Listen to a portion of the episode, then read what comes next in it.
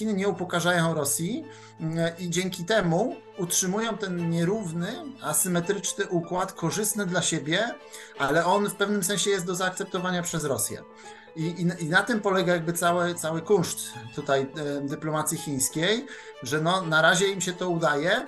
To jest też pytanie, które ja sobie od samego początku zadaję, jakie są te realne cele Amerykanów e, w, e, w tej wojnie. Ja pamiętam na samym, na samym początku, czyli rok temu, 24 lutego, Rosjanie rozpoczęli tą inwazję, a w kwietniu był E, na lotnisku e, wiesiące sekretarz obronny USA Lloyd Austin i on zapytany tam, jakie są właśnie cele Amerykanów, powiedział, że no osłabianie Rosji. Rozsiedziło dosyć prezydenta Bidena. Część pocisków z Izraela już dotarła na Ukrainę. E, część pocisków w ramach manewru takiego, który Amerykanie obiecali Koreańczykom E, że uzupełnią te zapasy przyszłości, ale też już zostało wysłane z Korei Południowej e, na Ukrainę. Więc ta sytuacja tutaj paradoksalnie jest trudna. I moim zdaniem nie ma co liczyć na to, że będzie jak, jakikolwiek game changer, bo nawet F-16, no to one y, może trochę utrudnią, bardziej utrudnią dalej lotnictwo rosyjskiemu operowanie, tak? Ale nie będą żadnym game changerem.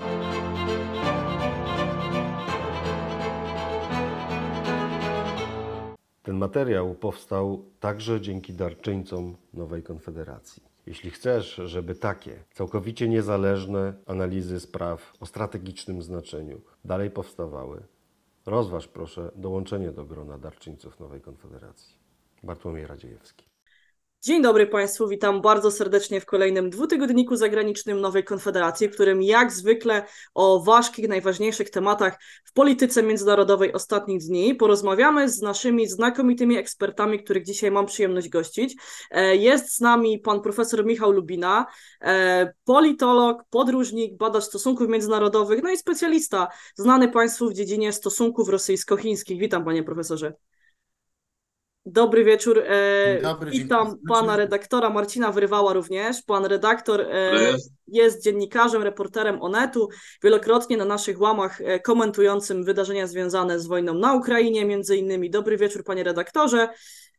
I wieczór. witam pana Roberta Kuraszkiewicza, również znanemu państwu, same znane twarze dzisiaj stałego współpracownika Nowej Konfederacji, autora książek, między innymi Polska w Nowym Świecie i Świat w cieniu wojny.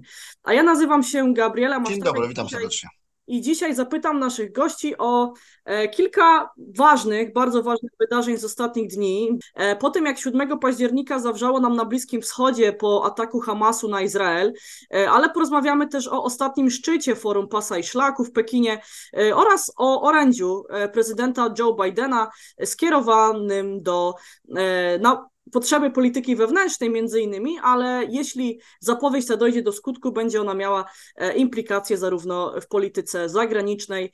E, w takim razie, drodzy panowie, zacznę od pana profesora Lubiny, bo chciałabym na początek poruszyć temat tego szczytu. E, Forum Pasa i Szlaku. W, ostatnio w Pekinie dwudniowy szczyt miał miejsce, na którym swoją drugą wizytę zagraniczną od czasu rozpoczęcia wojny na Ukrainie złożył prezydent Rosji Władimir Putin. Przed samym szczytem szczytem spodziewano się ogromnych kontraktów handlowych, jakie prezydent Putin miałby załatwić dopiąć i przywieźć z powrotem do Moskwy. E, po samym szczycie odtrąbiono z sukcesem e, jedynie umowę zbożową, jaką udało się na tym szczycie e, dogadać. No ale ja tutaj powołując się na komentarze profesora Góralczyka chociażby, który mówi, że w tej cywilizacji konfucjańskiej to jednak wszystko jest starannie przemyślanym spektaklem i, i to forum zapewne też takim spektaklem było. Dlatego panie profesorze, co z tego spektaklu, z tej zaplanowanej choreografii możemy przeczytać i co tak tak naprawdę wydarzyło się w, w relacjach chińsko-rosyjskich podczas ostatniego szczytu. Dziękuję serdecznie za głos. Na drugie pytanie łatwiej odpowiedzieć, bo mniej wiemy, bo zasadniczo Chiny to podobnie jak zresztą jak Rosja są e, państwa, których do których bardzo pasuje to stare powiedzenie, że ci, co wiedzą, nie mówią, a ci, co mówią, nie wiedzą. Także zasadniczo to, co się dzieje i tam, gdzie są podejmowane prawdziwe decyzje, to o tym się możemy dowiedzieć dopiero po czasie, a i tak nie zawsze i nie wszystko i tak dalej, ponieważ są to nietransparentne obszary. No i pod tym względem to nie wiemy dokładnie, o czym rozmawiano na szczycie, możemy tylko czytać komunikaty. Zgodnie z tymi komunikatami rozmawiano o Ukrainie i o, o Bliskim Wschodzie. No ale co dokładnie, no to, to tego nie wiemy. to nie jest najsłynniejszy przykład tego, czego nie wiemy. Najsłynniejszy był, jak była Olimpiada Zimowa w Pekinie w 2022 i chwilę potem Rosja zaatakowała Ukrainę. No i też do dzisiaj trwają kontrowersje, czy Putin powiedział si, ile mu powiedział i tak dalej, i tak dalej. Także a tak na dobrą sprawę tego nie wiemy.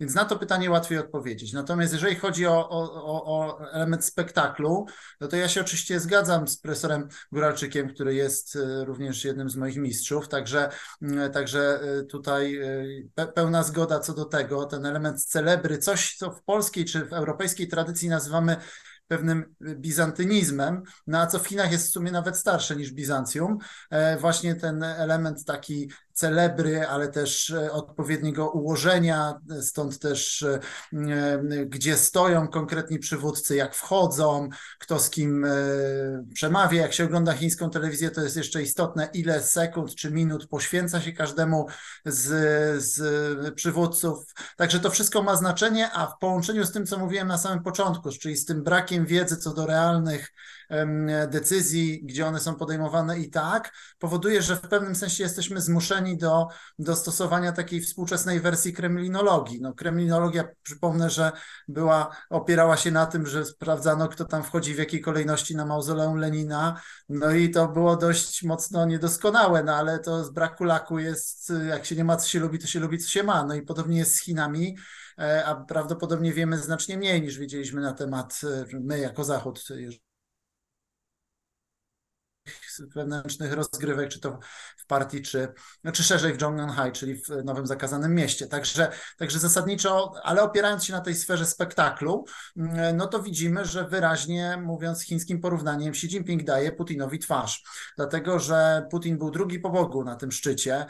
Putin był no, najważniejszy po Xi Jinpingu. Mm, Xi Jinping go traktował bardzo, bardzo kurtuazyjnie, mówił, że to 42 ich wspólne spotkanie, razem wchodzili do sali na zdjęciu tym głównym ze szczytu Xi jest obok Putina właśnie, e, jeden obok jest Joko Widodo z, jeden dalej jest Joko Widodo z Indonezji oraz, e, oraz, e, oraz prezydent Kazachstanu, także a w drugim rzędzie dalej jest Viktor Orban między innymi, także, także to tutaj jest... Jedyny przywódca europejski, Europy Zachodniej dodajmy. dodajmy Ale jeszcze, jeszcze Vucic był z Serbii, tak, no jeżeli możemy ich zaliczyć zachodnią, no powiedzmy Europę południową, tak, niech będzie. No i, no i tak, no i, no i więc w tej warstwie celebry to jest istotne i to ma duże znaczenie wizerunkowe również dla samego Putina, dlatego że z punktu widzenia Putina to, to, to, to jest bardzo duże wzmocnienie, przełamanie tej pełnej izolacji światowej, dlatego że, że Putin może mówić, że nie jest izolowany teraz, bo skoro witają go z honorami w, w Chinach. No i, no i miałby rację. Rosja jest izolowana połowicznie, to znaczy jest izolowana wyraźnie na zachodzie, natomiast w reszcie świata już nie. I to jest, i to jest istotne. No i to ma oczywiście duże znaczenie legitymizacyjne dla samego Putina w Rosji, to jego wzmacnia. I teraz czemu Chiny to robią? Otóż dlatego, że dla Chin lepszej Rosji nie będzie.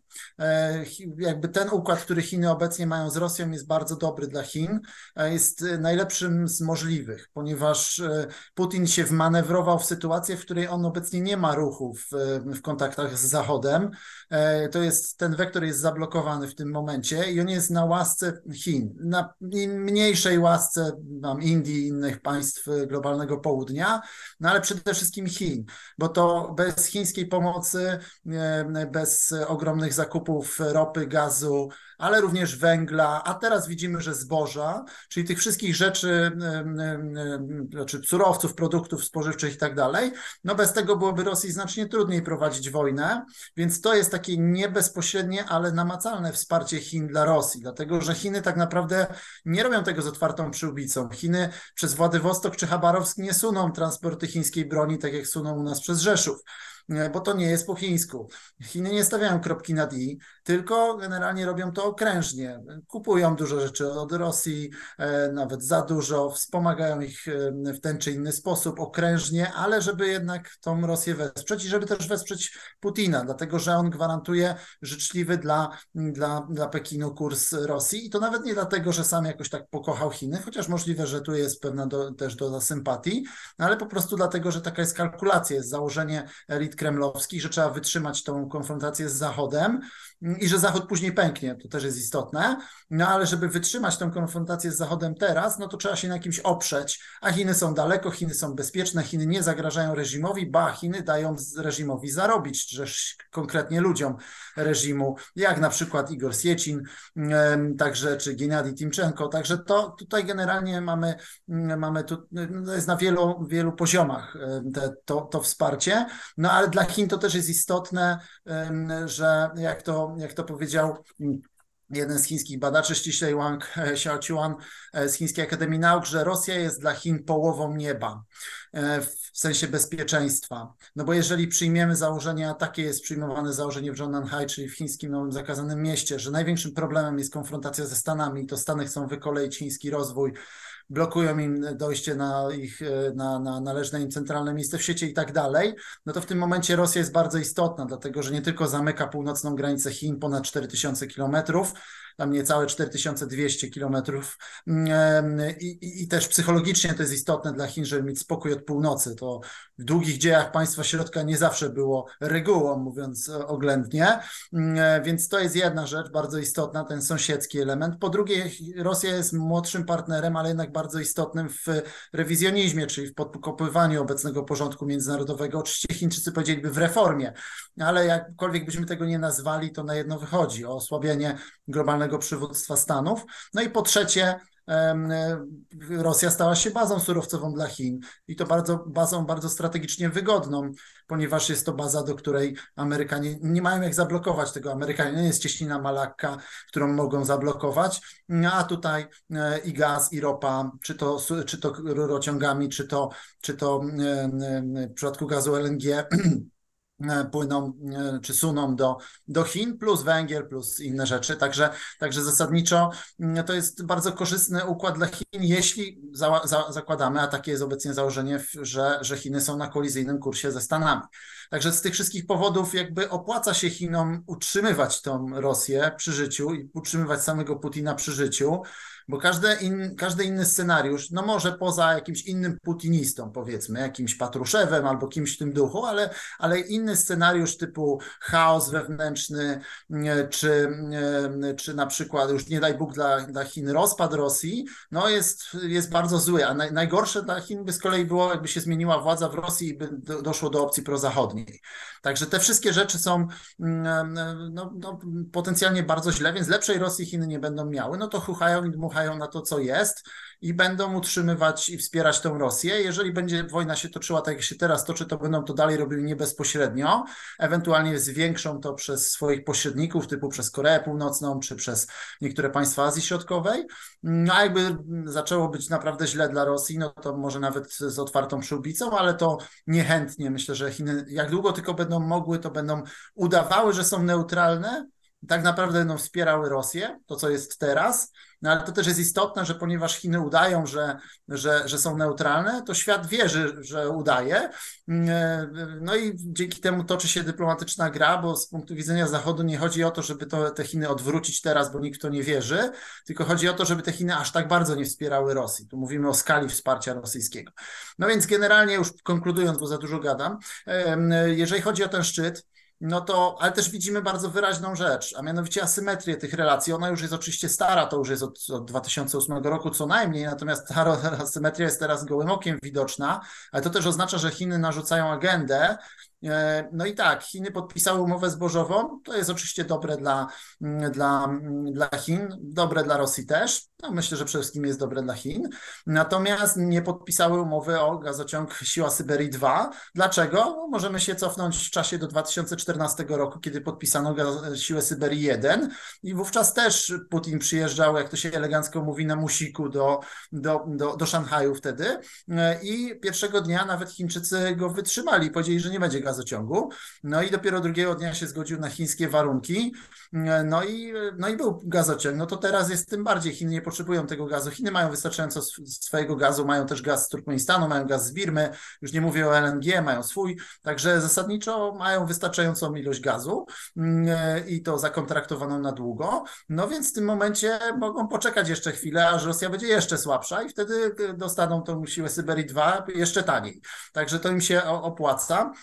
Ale jednocześnie całą jakby sztuką chińską do tej pory w Rosji jest to, że, że oni owszem ustalają te relacje korzystnie dla siebie, one są asymetryczne, ale jednocześnie Rosja czy Chiny nie upokarzają Rosji, wręcz przeciwnie, głaszczą ją po głowie, tak jak teraz widzieliśmy, Putina ten, a jednocześnie dają jej też zarobić. To jest nierówne, to znaczy Chiny zarabiają więcej, natomiast Rosja też na tym zyskuje, w tym wypadku nie bardzo ma jakby pole manewru, natomiast Chiny jeszcze są w stanie i na tym, i to jest jak jakby niesamowita sztuka, że Chiny nie upokarzają Rosji mm, i dzięki temu utrzymują ten nierówny, asymetryczny układ, korzystny dla siebie, ale on w pewnym sensie jest do zaakceptowania przez Rosję.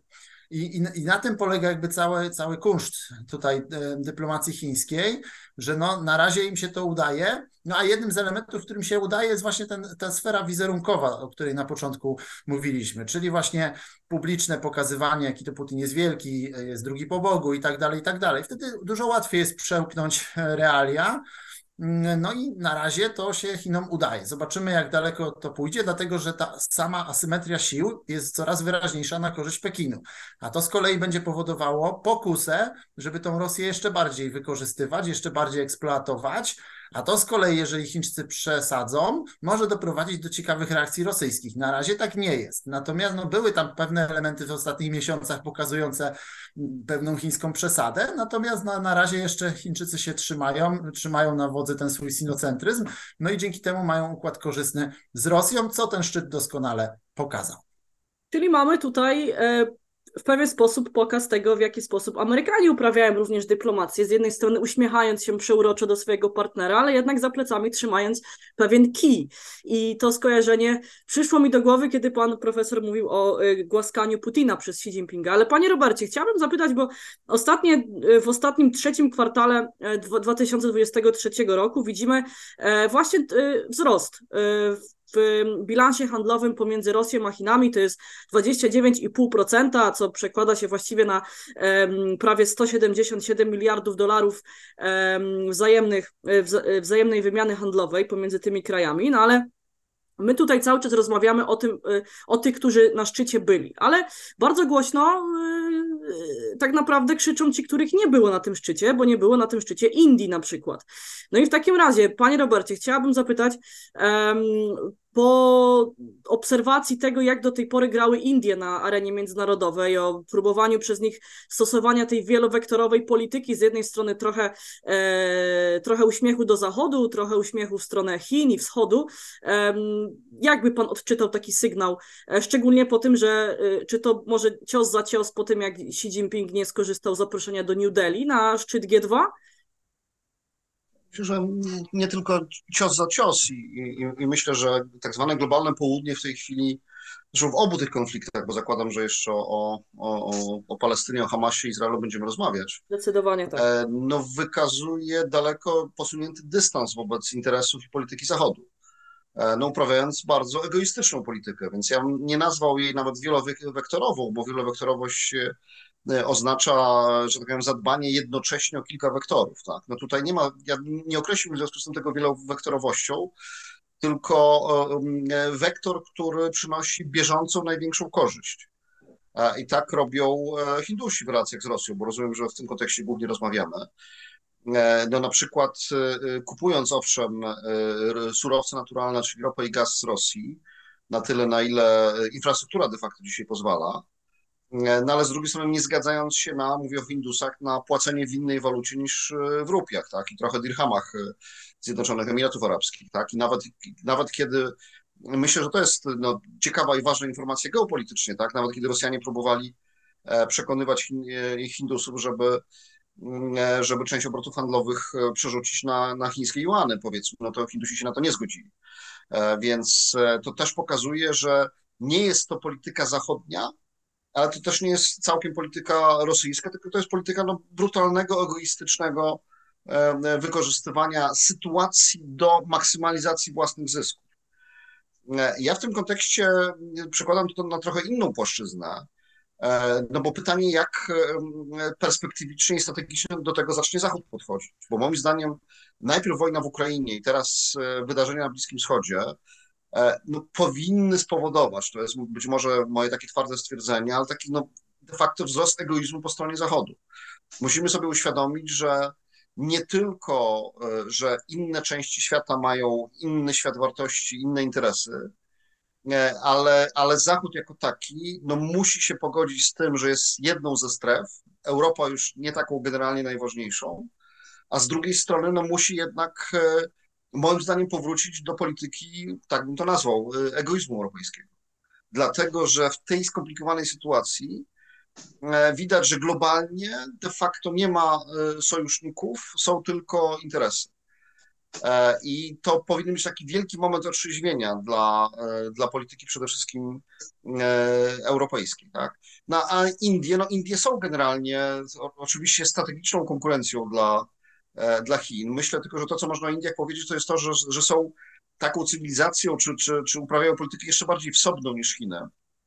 W tym sensie, że E, że Chiny też mają swoją własną wizję imperializmu. To nie jest, to, to wielokrotnie było mówione, że to nie jest wizja e, nowego wydania komunizmu. Tak? No ten komunizm jest tylko takim sznytem na, e, powiedziałbym, instrumentem, moim zdaniem, bardziej utrzymywania kontroli wewnętrznej politycznie na tym nacjonalizmie takim imperialnym chińskim, powiedzmy. Mm, na Indie są jeszcze bardziej wsobne, czyli, że tak powiem, jeszcze mniej zainteresowane tym, co się dzieje w innych częściach świata, o ile to nie jest bezpośrednio związane z e, ich własnym interesem, z ich własnym e, e, losem. Więc tu, tutaj no, mamy, tego, mamy tego potwierdzenie w tym sensie, że, że Hindusi owszem chcą kupować ropę rosyjską, ale dalej chcą płacić przede wszystkim, nie powiem tylko, bo to nie jest 100%, tak, ale 90% we własnej walucie i, i wzmacniać, że tak powiem, własną gospodarkę tylko w ten sposób, a dzisiaj są jak gdyby reeksporterem czyli zapewne część e, paliwa do diesla, którą w Europie zużywamy, jest e, ropą rosyjską przerobioną w rafineriach e, hinduskich, tak? No tak to, tak to jest, ale z drugiej strony tymi wpływami dolarowymi się z Rosją nie dzielą, a tutaj też kontekst chiński jest o tyle ważny, że Rosji dzisiaj ogromnie zależy, bo teoretycznie się podaje te dane, że te obroty handlowe, owszem, spadły w tym roku, rosyjskie, znaczy wpływy z eksportu węglowodorów, ale jeszcze ważniejsze jest to, że zdecydowana większość tych wpływów jest w walutach niewymienialnych. Bo y, Chińczycy również nie chcą doprowadzić do sytuacji takiej, żeby ich yuan był walutą w pełni wymienialną, to oni stosują taktykę e, e, oparcia na juanie handlu, ale w, relacjach dwustronnych, bilateralnych. Nie są chętni, dzisiaj nie są zainteresowani, żeby stworzyć infrastrukturę globalną na dzisiaj do obrotu juanem jako pełni, w pełni wymienialną walutą globalną, powiedzmy. Tak?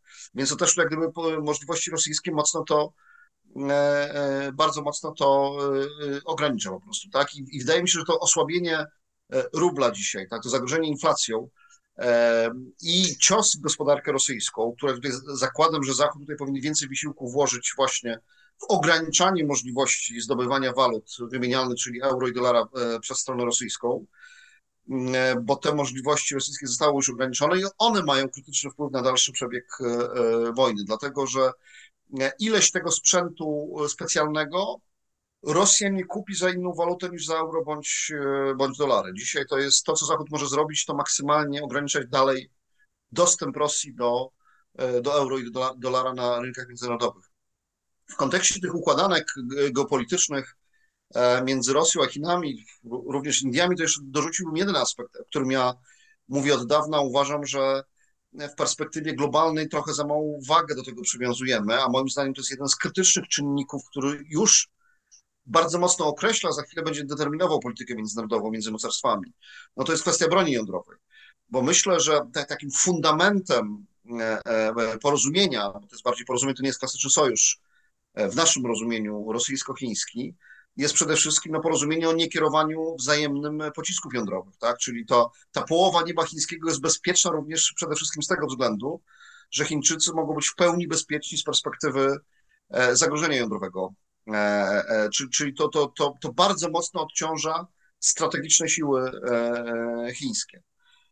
I, i, I to jest moim zdaniem ten najbardziej wrażliwy punkt, że jeżeli by miało dojść do jakiejś rekonfiguracji, mm, a moim zdaniem nie można tego wykluczyć, no to kwestia stosunku do broni jądrowej będzie, e, będzie tutaj jak gdyby punktem krytycznym, że podobnie w kontekście Indii, tak, no i Hindusi się w tej chwili zastanawiają, jak zareagować na ten, ten radykalny wzrost i politykę chińską zwiększenia jakości i ilości posiadanej przez Chiny broni jądrowej.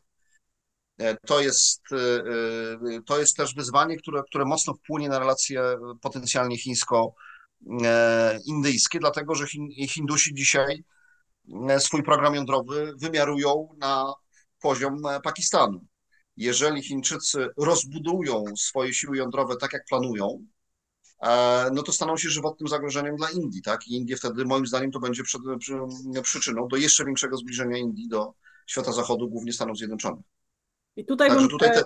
tak, E, panie Robercie, bo chciałam jeszcze pana profesora Lubina poprosić o takie dwa zdania e, podsumowania w takim razie tego, o czym, e, o czym przed momentem powiedzieliśmy w relacjach chińsko-rosyjskich, bo taki obraz mi się trochę rysuje z tego, o czym, o czym panowie mówicie, że właściwie Chiny trochę Właściwie Chiny traktują trochę Rosję jako partnera, który zabezpiecza mu tyły, jeśli chodzi o um, relacje ze Stanami Zjednoczonymi, jeśli chodzi o relacje, um, o relacje z globalnym południem.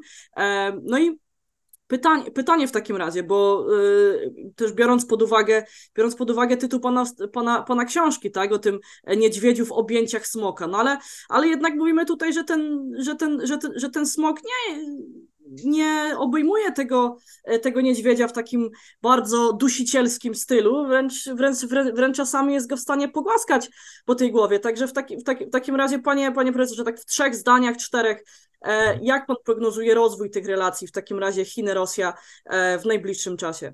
Biorąc pod uwagę ustalenia szczytu i, i, też, i, też, i też to, i też no, zmieniający się właśnie układ sił na świecie. Myślę, że kluczem do sukcesu, i to już trochę w poprzedniej wypowiedzi o tym mówiłem, ale kluczem do sukcesu relacji rosyjsko-chińskich jest chińska cnota umiarkowania. E, i ta cnota będzie wystawiana na coraz większą próbę wraz z rosnącym, rosnącą asymetrią między tymi dwoma państwami, a jednocześnie będzie hamowana wraz z mm, zaostrzającą się konfrontacją amerykańsko-chińską.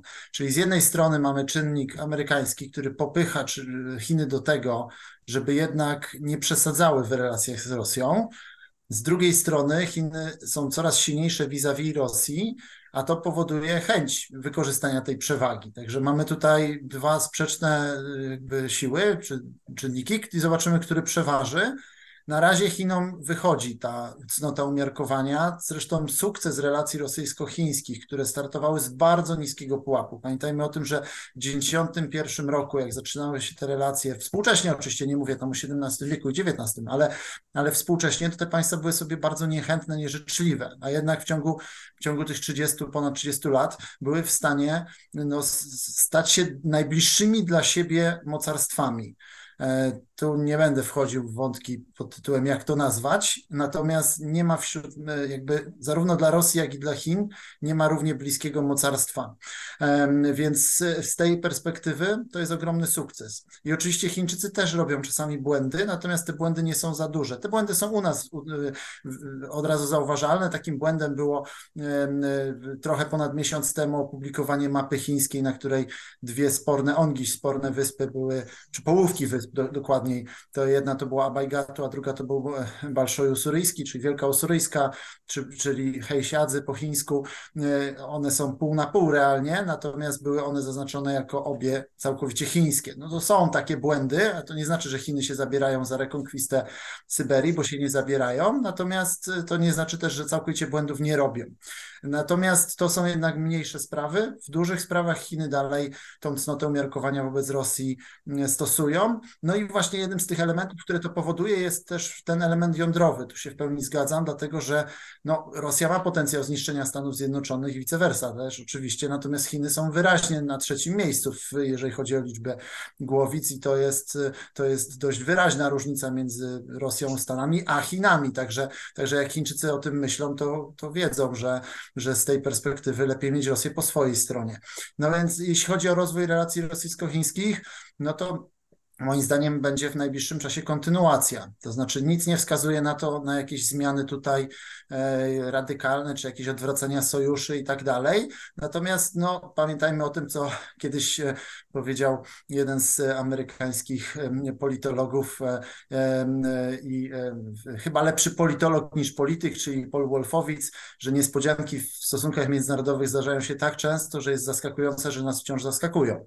Także wydaje się, że będzie jak, jak jest, natomiast zawsze to jest y, niepewne. No, a przypomnę, że y, politolodzy chyba, jeżeli chodzi o przewidywanie przyszłości, mają gorszą skuteczność od birmańskich wróżbitów czy mongolskich szamanów, więc, więc nie wiem, jak to będzie tutaj dalej. Pan profesor Lubina powiedział o potencjale, który jest w stanie zniszczyć Stany Zjednoczone, ale w ostatnich dniach to Stany Zjednoczone prowadzą na Bliskim Wschodzie ofensywę zmierzającą do ustabilizowania pewnego bardzo gorącego konfliktu, który e, wybuchł 7 e, października. Na kanwie wspomnianego już przeze mnie ataku, ataku Hamasu e, na Izrael. I o tym rzeczywiście media rozpisują się, komentują od bardzo wielu dni. Natomiast e, ja chciałabym porozmawiać z panem redaktorem, wyrwałem na temat tego, o czym mówi się już coraz mniej, a coraz mniej mówi się o tym, jak wygląda sytuacja wojenna na Ukrainie właśnie, bo um, co prawda Joe Biden po ostatniej swojej wizycie w Izraelu, po rozmowie z, pre, z premierem Netanyahu e, w swoim orędziu do narodu, które wygłosił z gabinetu owalnego, mówi o dwóch wojnach. Mówi o wojnie e, w Izraelu i mówi o wojnie na Ukrainie. Niejako podnosząc nieco, nieco z takiej, z, z, takiej medialnej e, próżni teraz kwestię, kwestię wojny na Ukrainie, która w dalszym ciągu trwa, bo przecież ostatnio słyszymy o e, rosyjskich okrętach, które zostały ugodzone przez e, ukraińskie drony, czy o przechodzenie Ukraińców do obrony na terenie Zaporoża, ale pomimo tego, że Joe Biden obiecał pomoc, obiecał środki pomocowe. Jeszcze nie wiadomo, w jaki sposób chce to e, zrealizować w obliczu e, zamieszania, jakie panuje w amerykańskim kongresie. Mimo to słyszy się pewne głosy rozczarowania zawodu ze strony ukraińskiego establishmentu i pewne obawy przed tym, czy aby nie tylko Zachód, myśląc o zachodzie Europy, ale o Stanach Zjednoczonych, czy aby ta optyka zainteresowania nie jest teraz już za bardzo skoncentrowana na Bliskim Wschodzie, na tyle, że kwestia wojny na Ukrainie schodzi na nieco dalszy plan. Panie redaktorze, co mówi się na Ukrainie yy, obecnie? No ja, no właśnie, tam są głosy rozczarowania. Ja się, ja się nie dziwię tym tym głosom, bo e, początkowo słyszeliśmy, że e, Joe Biden chciał, żeby zapadła decyzja o pomocy w wysokości aż 100 miliardów dolarów dla Ukrainy, żeby dać sobie potem spokój na, to, na, na ten okres kampanii wyborczej. Potem już słyszeliśmy o 60 miliardach. Dosłownie z wczoraj czy przedwczoraj New York Times podał że pewien urzędnik Departamentu Obrony USA potwierdził mu, że dziesiątki tysięcy niezwykle potrzebnych pocisków artyleryjskich 155 mm. Ja przypominam, że przede wszystkim to jest wojna w tym momencie artyleryjska, więc dziesiątki tysięcy obiecanych Ukrainie tego rodzaju pocisków e, zostaną jednak wysłane do Izraela. E, no więc te, temu, e, temu rozczarowaniu nie ma się E, co dziwić. Oczywiście e, są e, sygnały, no teraz mamy te pociski Atakam słynne, prawda? No i one Kryte ostatnio tam... zresztą po raz pierwszy przez Ukraińców, tak? Przypomnijmy, że, że to są pociski dalekiego zasięgu, tak? Które zostały Ukrainie przez Amerykanów dostarczone. No tak, tak, to są, to są pociski do tych słynnych wyrzutni HIMARS. E, Ukraińcy dostali jej e, już e, gdzieś latem zeszłego roku. Mówię o wyrzutniach HIMARS, ale wtedy jeszcze z tymi pociskami krótszego zasięgu 70 km, to są te tak zwane GMLRS. To już był oczywiście jakiś postęp. No teraz mamy Atakamsy. Na początku Amerykanie mówili, że ten zasięg będzie 165 km. Teraz podobno ma być nawet S-300 to jest wszystko niezwykle ważne, te zasięgi, bo to są bardzo precyzyjne pociski i ich zasięg definiuje to, na ile E, rosyjska logistyka może być odrzucona od, e, od frontu. Łatwiej dowozić sprzęt, e, pociski z odległości 70 kilometrów niż na przykład z 300. Z tym, że z tym, że no właśnie, Amerykanie bardzo duże takie, bardzo dużą reklamę zrobili tym atakamcom. Ukraińcy oczywiście też bardzo się cieszą, ale to, e, e, to wszystko nie zmieni nam obrazu tej wojny jako takiego. To jest, to jest też pytanie, które ja sobie od samego początku zadaję, jakie są te realne cele Amerykanów e, w, w tej wojnie. Ja pamiętam na samym, na samym początku, czyli rok temu, 24 lutego, Rosjanie rozpoczęli tą inwazję, a w kwietniu był E, na lotnisku e, Wiesiące sekretarz obronny USA Lloyd Austin i on zapytany tam, jakie są właśnie cele Amerykanów, powiedział, że no osłabianie Rosji. To rozsiedziło dosyć prezydenta Bidena. E, sekretarz Austin zaczął trochę się z tego wycofywać.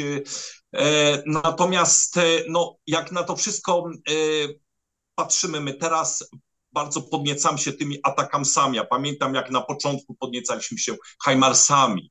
Potem e, w kolejnej turze e, tymi wozami pancernymi, zachodnimi czołgami. Teraz mamy atakamsy, gdzieś w perspektywie będą jeszcze myśliwce F-16. I ja tutaj nie odkrywam Ameryki.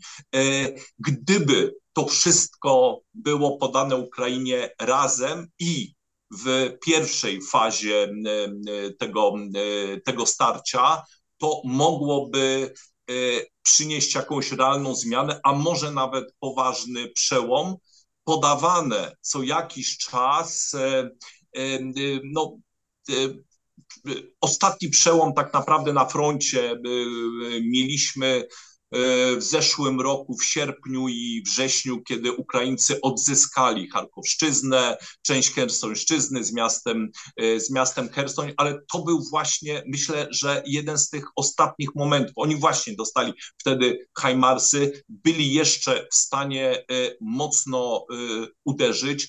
Natomiast e, Rosjanie przez cały ten czas betonowali dosłownie, fortyfikowali e, front i teraz ten sam sprzęt, który Ukraińcy dostają e, w tym momencie, on nie zrobi aż tak wielkiego postępu, jakby zrobiły wówczas. No, ta najnowsza ofensywa, która trwa już od kilku miesięcy. No, mamy postęp gdzieś tam przy, przy Robotinę, to jest no, taki wjazd ukraiński na jakieś 8 do 10 kilometrów, tylko pamiętajmy, że tam w tym rejonie e, Zaporoża e, rosyjskie fortyfikacje sięgają 20 kilometrów, tak?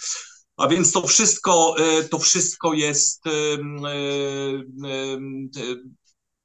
no właśnie. Redaktorze, kroplówka udzielana stopniowo Ukrainie doprowadziła do znacznego wzmocnienia Rosji. My, my o tym wielokrotnie mówiliśmy na łamach Nowej Konfederacji, dając Rosji czas, dając Rosji czas na to, żeby się, e, żeby się przygotowała, żeby się dozbroiła, tak? Tak mogę rozumieć Pana wypowiedź?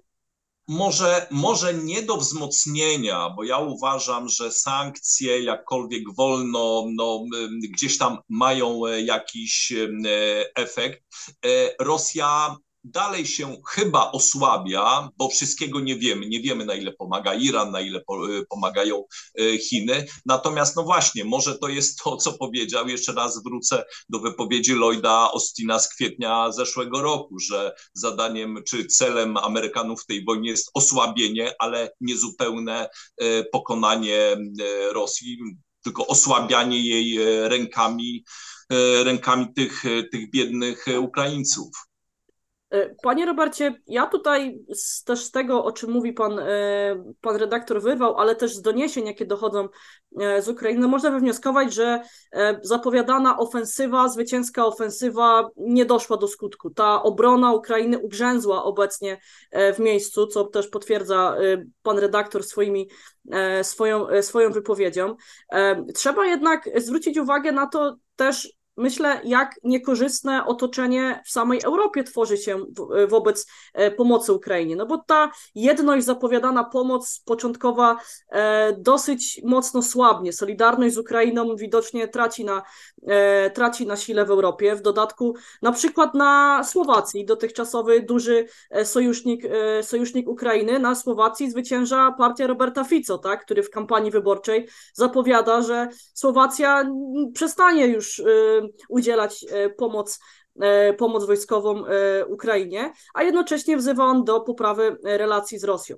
Jednak mówiąc o tym, że obrona ugrzęzła, takie dosyć znamienne i jestem bardzo ciekawa Pana komentarza, znamienne jest to, jak wypowiadał się podczas wizyty w Izraelu Joe Biden, mówiąc o tym, że e, mówiąc o tym, że rzeczywiście Izraelowi trzeba dostarczyć wszelkich środków, jakie są niezbędne, aby, e, aby mógł się bronić. Natomiast nie można zapominać również o Palestyńczykach i o tym, że e, do nich również pomoc humanitarna, ale też pomoc pieniężna e, powinna, e, powinna napłynąć. No i teraz pytanie w takim razie, czy Joe Biden przyleciał tak naprawdę wesprzeć Izrael w wojnie z Hamasem, czy przyjechał zagrać na dwóch fortepianach na Bliskim Wschodzie po to, żeby nie doprowadzić do y, wybuchu kolejnego konfliktu, podczas gdy, y, gdy walka, gdy działania zbrojne na Ukrainie ugrzęzły jednocześnie. Znaczy, powiedziałem tak, no, wszystko to jest trochę bardziej skomplikowane. Ja bym jednak zaczął od Stanów e, Zjednoczonych, Dlatego, że ja to taką tezę, że właśnie główną przyczyną e, zaangażowania amerykańskiego w kontekście wspierania Ukrainy właśnie było osłabienie Rosji. O tym, o tym pisałem wielokrotnie i, i, i od dawna, jeszcze zanim to Lloyd, Lloyd Austin stwierdził, bo taki jest główny cel strategiczny Amerykanów, tak? Mówiąc o tym, że e, no, polemizuje z tymi tezami, że właśnie w związku z tym, no omen teraz, bo teraz to widać naocznie, że Ukraina będzie drugim Izraelem i tak dalej, i tak dalej. No nie będzie, dlatego że z punktu widzenia strategicznych interesów i globalnych interesów Stanów Zjednoczonych, E, Ukraina leży w zupełnie innym miejscu niż Izrael. Nie chodzi mi tylko o samą geografię, ale o znaczenie polityczne, kontekst, zmieniającą się rekonfigurację geopolityczną i tak dalej. E, czyli mówiąc w skrócie, niezależnie od wszystkiego Ukraina już nie leży i, i ta oś europejsko-rosyjska już nie jest najważniejszą osią geopolityczną dla Stanów Zjednoczonych, więc to, to, to z tego powodu mm, e, Stany Zjednoczone mogą używać tej wojny jako proxy war i traktować ją jako wojnę wojnę dodatkową, nie jako, jako główną oś konfliktu. To po pierwsze. Po drugie, no nie zapominajmy o tym, że Stany Zjednoczone i Europa nie przystępowały do tej wojny jako, dobry, jako wojny dobra za złem, tak? Czy, czy to, to, to nie jest powtórzenie jeszcze postfaktycznie e, tak traktowanej przez nas, bo w trakcie rozwoju wypadków też to wyglądało inaczej jak II wojna światowa, tak? która była czystą e, walką ze złem. Jeżeli prześledzimy przebieg wojny, to, to e, II wojny światowej nawet to ona też tak nie wyglądało. Dopiero postfaktycznie traktujemy to jako taką mityczną walkę ze złem nazistowskim, powiedzmy, tak? I, i po części komunistycznym również. E, e, więc tak nigdy nie było, więc to nie był sztandar tutaj, tutaj e, walki z, z, z, czystym złem w postaci imperializmu rosyjskiego. Po drugie, każda wojna się rozwija, czyli, że tak powiem, jest funkcją reakcji, oddziaływania i przeciwdziałania przeciwnika w trakcie jej przebiegu. E, moim zdaniem e, Amerykanie jako podstawowy wariant zakładali, to się dowiemy z książek e, historycznych może za niedługo, bo to w demokracjach dosyć szybko się ujawnia, przynajmniej część rzeczy, no ale naprawdę zakładali, że Ukraina będzie toczyła wojnę partyzancką, tak? No tutaj jak gdyby leadership i przywództwo prezydenta Załońskiego i to, że on potrafił państwo ukraińskie utrzymać w garści w tych krytycznych momentach, no spowodowało to, że to Ukraina jako państwo toczy tą wojnę z Rosją, a nie Ukraińcy e, prowadząc jeszcze gorszą, jeszcze trwawszą walkę e, partyzancką z Rosją, powiedzmy. Więc i Stany Zjednoczone reagują. My też traktujemy i Stany Zjednoczone, i Europę jako taki, bym powiedział, pewien zbiór wielki, i skończone i nieskończone jednocześnie. E, e, zasoby militarne Zachodu są w daleko idącym stopniu wyczerpane. Ja tutaj się powołam na takie seminaryjne wystąpienie e, Josha Szeszanka, czyli specjalisty do spraw militarnych w tygodniku Economist, który tam się powołał na swoją rozmowę z, z jednym z generałów brytyjskich, nie podał nazwiska oczywiście, gdzie mówił, że zapasy E, armii brytyjskiej, nie, nie podał szczegółów, ale można zakładać, że to chodzi o, o precyzyjną amunicję, e, w tej chwili e, są takie, że na kilka godzin intensywnych walk tylko. Stany Zjednoczone atakamsów wszystkich rodzajów mają około 2000. E, Więc to nie jest nieograniczona ilość, tak? Wysłali z tego, co się mówi, nieoficjalne, ale myślę, że to są wiarygodne dane, w tej chwili na Ukrainę wysłano 20 pocisków. Na razie i to tej, tej, tych atakamsów, e, e, które de facto miały być utylizowane, tak? One były przeznaczone już do utylizacji, ale się okazało, że niestety e, w tych kategoriach wojny, no to, e, to, to, to, to mówiąc delikatnie, się jeszcze przydadzą, tak? Więc potencjał tutaj amerykański przekazania atakamsów też nie jest ograniczony, że tam mogą transporty iść tego po prostu. E, Więc e, też e, wracając do Szyszanka, e, to on e, analizując przebieg procesów remilitaryzacyjnych na Zachodzie, on stwierdził, że Zachód ma e, nie tyle potencjał, to już są kierunki ustawione tak, że w 2025 roku e, Zachód czy, będzie produkował więcej amunicji e, niż Rosja, bo Rosja oczywiście szybciej się przestawiła na tryb gospodarki wojennej. E, e, Zachód no, nie ma takich możliwości, jeszcze nie ma takiego poczucia jeszcze dzisiaj, że to jest jakby w, pełni gospodarka wojenna, no ale pewne decyzje zapadły i na poziomie europejskim, i na poziomie amerykańskim. Ta produkcja e, wzrasta, tak? Ona, ona, ona też nie, nie, nie wzrasta w sposób ciągły, ona wymaga zbudowy nowych mocy produkcyjnych i tak dalej, tak? No to jest trochę przerażające, ale świat zmie- zmierza w tym kierunku.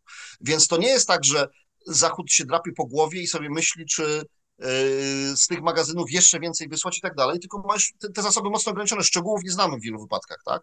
Ja podałem tylko ułamek tego, co, e, co pewnie wiadomo po stronie e, Zachodu, nawet Stany Zjednoczone, bo przypomnę, że część pocisków Stany Zjednoczone miało zgromadzone rezerwy strategiczne pocisków 155 również i w Korei Południowej, i w e, e, Izraelu. Część pocisków z Izraela już dotarła na Ukrainę. E, Część pocisków w ramach manewru takiego, które Amerykanie obiecali Koreańczykom, że uzupełnią te zap- zapasy przyszłości, ale też już zostało wysłane z Korei Południowej na Ukrainę. Więc ta sytuacja tutaj pa- paradoksalnie jest trudna. I moim zdaniem nie ma co liczyć na to, że będzie jaki, jakikolwiek game changer, bo nawet F-16, no to one y, może trochę utrudnią, y, bardziej utrudnią dalej lotnictwo rosyjskiemu operowanie, tak? Ale nie będą żadnym game changerem. Abramsy też nie są game changerem. Zresztą pisałem o tym w tym komentarzu, kiedy było takie napięcie w Polsce e, już w momencie, kiedy te decyzje zapadały, tak? No to, to, to nie jest game changerem. Ale co w tym kontekście jest najważniejsze? Co, do której też wiele wypadków mówiłem, że my trochę Polacy do tego zwracamy e, e, małą uwagę, bo, bo ciągle pieniądze w naszej kulturze, już tak po- pozwolę za taką dygresję, postszlacheckie i są takim gdzieś tam zawsze z tyłu, tak? E, W kontekście wojny rosyjsko-ukraińskiej najważniejsze są decyzje finansowe po stronie Zachodu, bo one pokazują stopień determinacji i tak dalej. I to, co w swoich komentarzach na bieżąco pisałem, że w związku z tym nie, nie tak, że ofensywa nie doszła do skutku, bo doszła do skutku, tylko się nie zakończyła sukcesem, tak? Ale Zachód i Stany Zjednoczone planowały wojnę na wiosnę w horyzoncie końca tego roku. Zakładały, że Ukraińcy, pisałem to w swoim tekście, tak? E, Na wiosnę, tak? E, e, Że Ukraińcy przeprowadzą ofensywę, część terenów odzyskają i to, co odzyskają, będzie początkiem rozmów pokojowych z Rosją. Taka moim zdaniem była jak gdyby planowanie tej wojny po stronie amerykańskiej na wiosnę tego roku. E, Ofensywa się nie udała, e, e, no ale to nie znaczy, że, że się można wycofać z poparcia Ukrainy. I w tej chwili, i dlatego mówiłem o tym, że, że Polski brakuje w tych dyskusjach, bo w tej chwili toczy się dyskus- dyskusja na Zachodzie co do świadomej decyzji dotyczącej długoterminowego wspierania Ukrainy. A tą decyzję nie zweryfikujemy po kolejnych dziesiątkach atakamsów, czy ta, Taurusów nawet, które Niemcy moim zdaniem w końcu wyślą Ukraińcom. One mają swoje inne ograniczenia, ale nie chcę się w tej chwili na, to, na, na, na ten temat rozwadniać. E, tylko to, czy zostaną podjęte decyzje finansowe. I tutaj wracając do, do, do Pani py- pytania z początku, tak, i wypowiedzi Pana redaktora. Tutaj nie ma żadnych zmian. Zmiana jest jedna. W tym projekcie prowizorium budżetowego Biden e, przewidywał, e, e, już nie pamiętam w tej chwili dokładnie kwotę, ale e, na, na trzy- 20 chyba 4 miliardy, nie, ponad Sze- 20, bo tam już był Tajwan 60, wrzucony. 60 miliardów, panie Robercie, pomocy. Nie, nie, mówię o czymś innym, przepraszam, ja do tego dojdę zaraz. Przed kryzysem izraelskim, w ramach tego prowizorium budżetowego, które zostało odrzucone przez republikanów, oni, przypomnę, że tylko oni po, pozwolili te, te bieżące wydatki rządu amerykańskiego, tam była wpisana perspektywa, perspektywa ponad 20 miliardów dolarów do końca tego roku kalendarzowego. Bo przypomnę, że Stany Zjednoczone mają rok budżetowy do końca września, tak? Więc to jest jak gdyby luka zawsze związana z terminami, więc pieniądze e, Amerykanie mieli uchwalone do, końca września, bo taki jest ich rok budżetowy. Biden w tym e, pakiecie proponował 20 kilka miliardów do końca roku. E, Sytuacja, wojna e, czy atak rozpoczęty przez Hamas doprowadził do zmiany tej sytuacji. Z jednej strony to jest oczywiście tak, że, e, że Bidenowi to ułatwia, w związku z tym, że e, też tak, żeby, żeby była ta wiedza, tak? No, generalnie wsparcie dla funkcjonowania Izraela w bazie wyborczej republikańskiej jest dużo większe niż, niż w bazie demokratycznej.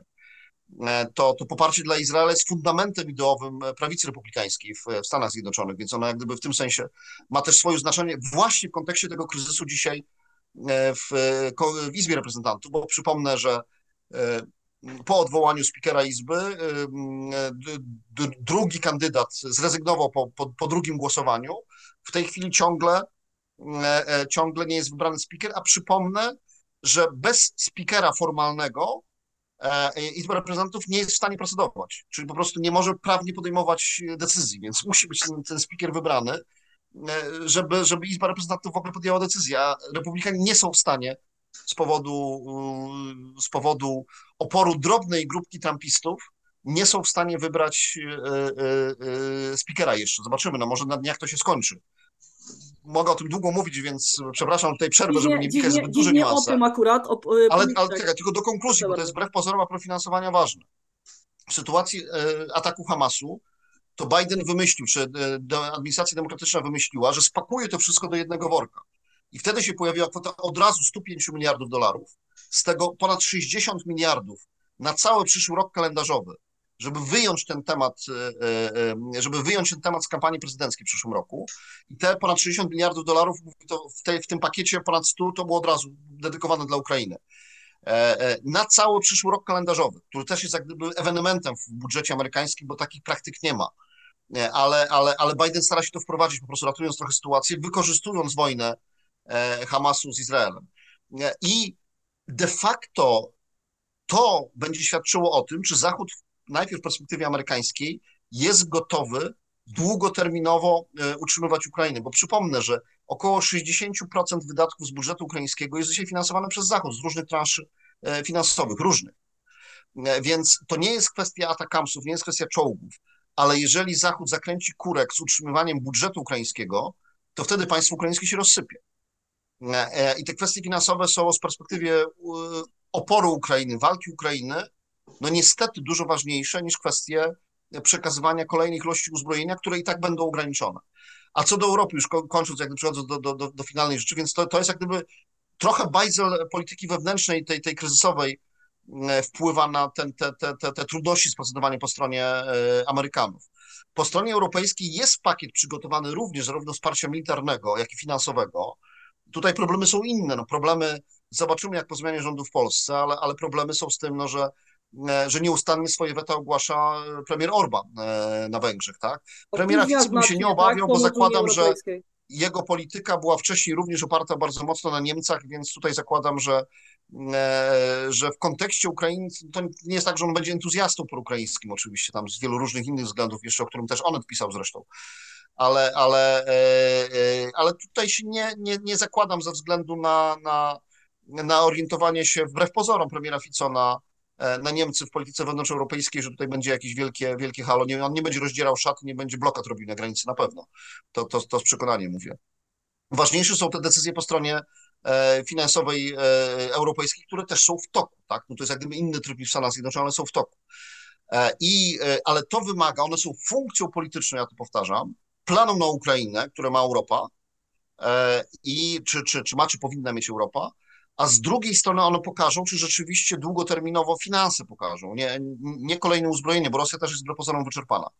No i, i o to się dzisiaj toczy e, prawdziwa gra. Jeżeli e, Bidenowi się, demokratom się nie uda przeprowadzić tego, tego pakietu tych ponad 100 miliardów, no to będzie wielki problem dla Ukrainy, tak? I, i, I to musimy bardzo blisko obserwować, bo to jest być może w perspektywie najbliższych tygodni, a miesięcy być może najważniejsza decyzja polityczna dotycząca wojny na Ukrainie.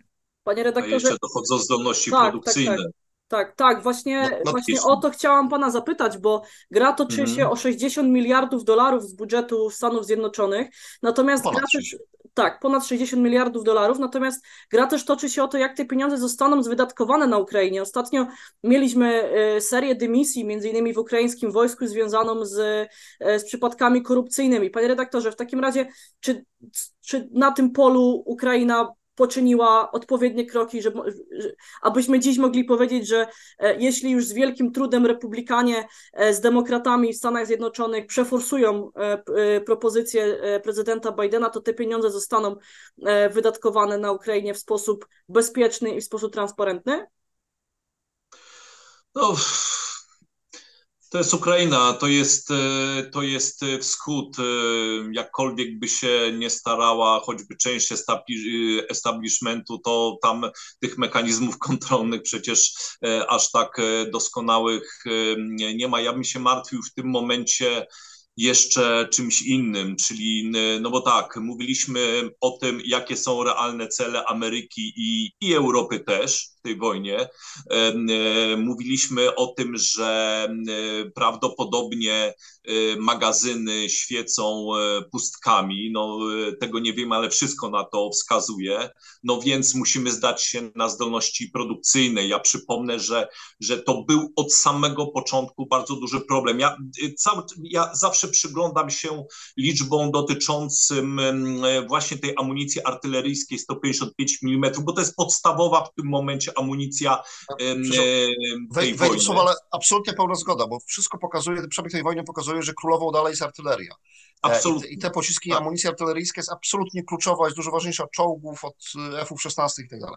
Tak, zgadza się. Absolutnie, absolutnie tutaj się e, zgadzam. I tutaj szybko warto sobie porównać jak e, od początku wojny to się kształtowało. Ja pamiętam, że jak to się wszystko zaczęło i Rosja nie zdobyła całej Ukrainy w ciągu trzech dni, to już słyszałem tutaj takich optymistów, którzy mówili, Rosjanom już się kończy amunicja, to się wszystko zaraz skończy. Rosjanie na początku tej wojny strzelali 60 tysięcy tych pocisków dziennie. E, potem gdzieś około sierpnia to spadło do 40-50 tysięcy, a jak toczyły się walki o Bachmut, co Ukraińcy bardzo mocno po, po, podkreślają, żeby gdzieś tam stworzyć taki mit, że już Rosjanom się wszystko kończy, to ta, to ta liczba spadła do 20-25 tysięcy dziennie tych samych pocisków. To teraz prześledźmy, jak to wyglądało e, z Ukraińcami. Oni tam, tam, wszystko szło równą linią od początku. Od początku wojny do dziś Ukraińcy strzelają nie, mniej więcej 6 tysięcy takich pocisków dziennie, tak? W porównaniu z tymi Rosjanami, którymi już miało się to kończyć, prawda? My musimy pamiętać, że my się naprawdę przez ostatnie dekady beztrosko rozbrajaliśmy. I teraz tak, przy tych 6 tysiącach dziennie, w tym momencie Amerykanom udało się zwiększyć dwukrotnie od początku tej inwazji produkcję tych pocisków z 14 do 28 tysięcy miesięcznie, a cała Unia Europejska produkuje 25 tysięcy. To znaczy, że cała produkcja, załóżmy, że y, wszystko w magazynach się kończy, polegamy na produkcji. Cała Europa, jakby przy tej intensywności wojny, tak? Cała europejska produkcja to jest 4 dni, tak? 6 razy 4, a cała amerykańska miesięczna produkcja to jest y, niecałe 5 dni, tak? I to będzie duży problem. Oczywiście tam Korea Południowa trochę pomogła, ci pomogą, tam ci pomogą, ale w końcu finalnie y, zetkniemy się z tym problemem. Obie strony toczą tutaj tak zwaną war of attrition, walkę, wojnę na wyniszczenie, tak? Tylko, że no właśnie, y, kto, kto, kto pierwszy zostanie tutaj wyniszczony i ja uważam, że my, my naprawdę od samego początku nie docenialiśmy tej gigantycznej produkcji, jaką Rosjanie po prostu sobie fundowali, podczas gdy my gdzieś tam, e, przynajmniej częściowo w tej Europie, oddawaliśmy się tym pacyfistycznym mrzonkom. Znaczy, ja, ja, może uzupełnię jeszcze, tak, bo, bo to bardzo ważne rzeczy, bo absolutnie się zgodzę, że tak jak e, kwestie polityczne trzeba obserwować w świetle decyzji finansowych po stronie Zachodu, bez, ty, bez tych finansów państwo ukraińskie jako państwo nie będzie w stanie walki prowadzić z Rosją, to w kwestiach militarnych najważniejsza jest ta amunicja ja, ja tylko przerwę, panie, panie, panie Ebercie, bo muszę pożegnać pana profesora Lubinę. Dziękuję Muszę panu bardzo, panie profesorze. Do zobaczenia. Dobranoc. Do zobaczenia. Dziękuję bardzo. Ja dokończę wątek. Bardzo tak, proszę. Też znowu się powołam na, na tego specjalistę do spraw militarnych z ekonomista, czyli pana Szyszanka, no, który twierdzi właśnie, że biorąc pod uwagę te programy, które są już wdrożone, e, e, bo mm, do zwiększenia mocy produkcyjnych, to on uważa, że cały Zachód będzie więcej produkował amunicji w roku 2025. że ten okres, ten rok i przyszły to jest okres rozbiegowy, gdzie te decyzje, które on uważa, że są już podjęte po stronie Stanów Zjednoczonych i Europy, bo przypomnę, że ten Europejski Instrument na Rzecz Pokoju, gdyby, e, zarówno na stronę zakupową, jak i na stronę inwestycyjną, przeznaczył no de facto kilka miliardów euro po to, żeby wesprzeć rozbudowę mocy produkcyjnych w Europie. Ja nie znam szczegółów, zakładam, że Polska, one są jakoś poufne, tajne, nie mam dostępu do żadnych tajnych dokumentów poufnych. Zakładam, że Polska również z tego, e, z tego, z tego instrumentu e, korzysta i rozbudowuje swoje moce. No tak, ale właśnie teza jest taka, że że dzisiaj po stronie Zachodu jest potrzebna podjęta decyzja o długoterminowym wsparciu dla Ukrainy. Po pierwsze finansowo, a po drugie E, w sensie militarnym to jest tak, że Zachód będzie w stanie przewyższyć produkcję zbrojeniową rosyjską w tym kluczowym segmencie amunicji artyleryjskiej w 2025 roku. Jeszcze informacyjnie Szoszenk uważa, że Rosja jest w stanie produkować w tej chwili e, i to uważa, że to jest jakby maksimum mocy produkcyjnej rosyjskiej, 2 miliony pocisków e, rocznie. Tak, tak, ocenia, tak ocenia potencjał rosyjski w ogóle do, do, do produkcji od, od razu podaję źródło, bo ja sam nie jestem w stanie tego rozsądzić, czy, czy, czy, czy, czy tak jest, czy tak nie jest. A ja podsumuję... No to jeżeli 2 tak. miliony jeśli proszę, proszę, proszę, proszę bardzo, panie redaktorze. Jeżeli w tym momencie, jeżeli w tym momencie Rosja produkuje 2 miliony y, tych pocisków 155 rocznie, 152 to, ale to szczegół. To, aha, to, do, to Amerykanie zadeklarowali się, że do 120, y, do 25 roku rozpędzą swoją produkcję do 100 tysięcy miesięcznie, to by było milion dwieście rocznie, tak? No więc właśnie. Mhm. No i Także ja mam wielką nadzieję, że po prostu są jakieś wielce tajne gdzieś informacje, których my nie znamy, ale no, sytuacja mniej więcej tak wygląda. No miejmy ja, nadzieję, ja z mojego, że te informacje śledząc są, wypowiedzi pana Szoszanka, no to, to, to, to, to rzeczywiście to jest chyba jeden z najlepszych w tej chwili takich publicznych analityków, więc yy, to, to, to, to, to by się jakoś nam potwierdzało właśnie, tak, że, że te plany są takie, że, że bo, bo po to, żeby dzisiaj zwrócić do, do wysokiej produkcji zbrojeniowej, są potrzebne in, nowe inwestycje w nowe moce produkcyjne niestety, nie? To nie da się zwiększyć od tak. Więc, więc tak to wygląda. Więc ten, w tym sensie ten rok 24 w zakresie długoterminowego wsparcia dla Ukrainy no może być E, może być krytyczna. Oby było tak, drodzy panowie, jak mówicie, że są jakieś, e, jakieś poufne dane na ten temat, bo na przykład słowa admirała e, Roba Bauera z Holandii, on jest takim jednym z dosyć ważnych urzędników NATO, no on mówi o tym, że zachodnie zapasy wojskowe zbliżają się, jak to określił, do dna lufy obecnie i, i to, o czym mówi pan Robert Kuraszkiewicz, czyli, czyli rozwój, rozwój inwestycji, to w jakim kierunku produkcja pójdzie, będzie kluczowe, bo e, ostatnia kwestia, którą z panem redaktorem wyrywałem, chciałam poruszyć, e, a mianowicie takie doniesienia portalu e, militarnego Deep State, który mówi o tym, że, że lato tego roku pokazało, że wojna w 2024 roku nie zakończy się, się na naszych warunkach. I pytanie w takim razie, co oznaczają dla Ukraińców na dzisiaj nasze warunki, na których ta wojna mogłaby się zakończyć, a na co realnie Ukraińcy mają szansę w najbliższym czasie, tak? Zakładajmy, że do negocjacji pokojowych, do zakończenia wojny dochodzi e, bardzo niedługo. W jakiej sytuacji obecnie Ukraina jest ze swoją e, wojną obronną? Jeżeli chodzi o te warunki zakończenia wojny, to prezydent Zełenski jest postawiony pod ścianą i to nie tylko przez Rosjan, ale może przede wszystkim w tym momencie przez własny naród. E, ci żołnierze, którzy tracą życie, ich rodziny, e, ci ludzie, którzy są strasznie e, zmotywowani, oni nie chcą słyszeć, że będziemy w tym momencie kończyć wojnę. Jak w 14, no bo spójrzmy, gdzie jesteśmy też terytorialnie. Kiedy w 14 roku Rosjanie wzięli 7% terytorium Ukrainy, to w tym momencie mają, no nie wiem, około 17-18, y, tam są delikatne przesunięcia, no ale to jest 17-18%, tak? Czyli to jest, y, y, to jest ponad dwa razy więcej. No i e, prezydentowi Zełęskiemu, no, dla niego to może być po prostu polityczne, być albo nie być, powiedzieć, no przepraszam, ale tak, no my już nie mamy nic, Zachód, Zachód też niewiele, tak? E, także e, ja, znaczy, to jest no, strasznie skomplikowane, tak? truizm, truizm. Natomiast Natomiast ja nie wiem i nie wiem, czy ktokolwiek w tym momencie wie, co może zrobić prezydent Zełenski, bo z jednej strony pewnie realistycznie jest informowany, zdaje sobie sprawę, jaka jest sytuacja, a z drugiej strony jest jego własny wściekły naród. Zgadza się. Drodzy panowie, w takim razie nam nie pozostaje nic innego, jak to, co powtarzam na końcu każdego z naszych dwutygodników, czyli to, że będziemy obserwować sytuację bardzo uważnie i będziemy komentować ją dla Państwa na łamach Nowej Konfederacji. E, dzisiaj już kończymy. Mam wrażenie, że mamy za sobą bardzo, bardzo produktywną dyskusję na tematy e, i omawiane szeroko w mediach, i te, o których w ostatnim czasie jest nieco ciszej. Ja Panom bardzo serdecznie za dzisiejszą rozmowę dziękuję. E, był z nami profesor Michał Lubina, który musiał skończyć nieco wcześniej, natomiast teraz e, e, żegnam się z Państwem i z Panem redaktorem Marcinem Wyrywałem. Dziękuję serdecznie za obecność dzisiaj, za Pana komentarz. Dziękuję również Panu Robertowi Kuraszkiewiczowi za jego komentarz i jego obecność.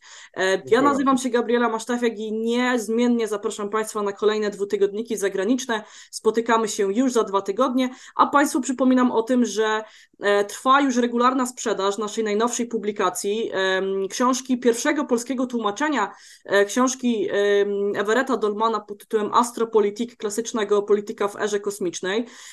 Na ten temat odbyła się ostatnio debata premierowa podczas dziesiątych urodzin Nowej Konfederacji. Ta debata dostępna jest już na naszym e, kanale YouTube'owym. Książka, jak wspomniałam, jest już e, w szerokiej dystrybucji, także zachęcam Państwa do tego, aby się z nią zapoznać. Jej e, części w darmowym dostępie są dla Państwa również umieszczone na naszym portalu, także zachęcam również do lektury. No i zachęcam do tego, aby odwiedzać nasz, nasz portal, aby wspierać nową Konfederację, jako że od początku września wszystkie treści są dla Państwa e, w darmowym, otwartym dostępie po zalogowaniu i po zapisie do e, newslettera. Szanowni Państwo, bardzo serdecznie za dzisiaj dziękuję, do usłyszenia, e, no i do zobaczenia z Panami, mam nadzieję, jeszcze przy kolejnych odcinkach dwutygodnika zagranicznego. Dziękuję bardzo, pozdrawiam.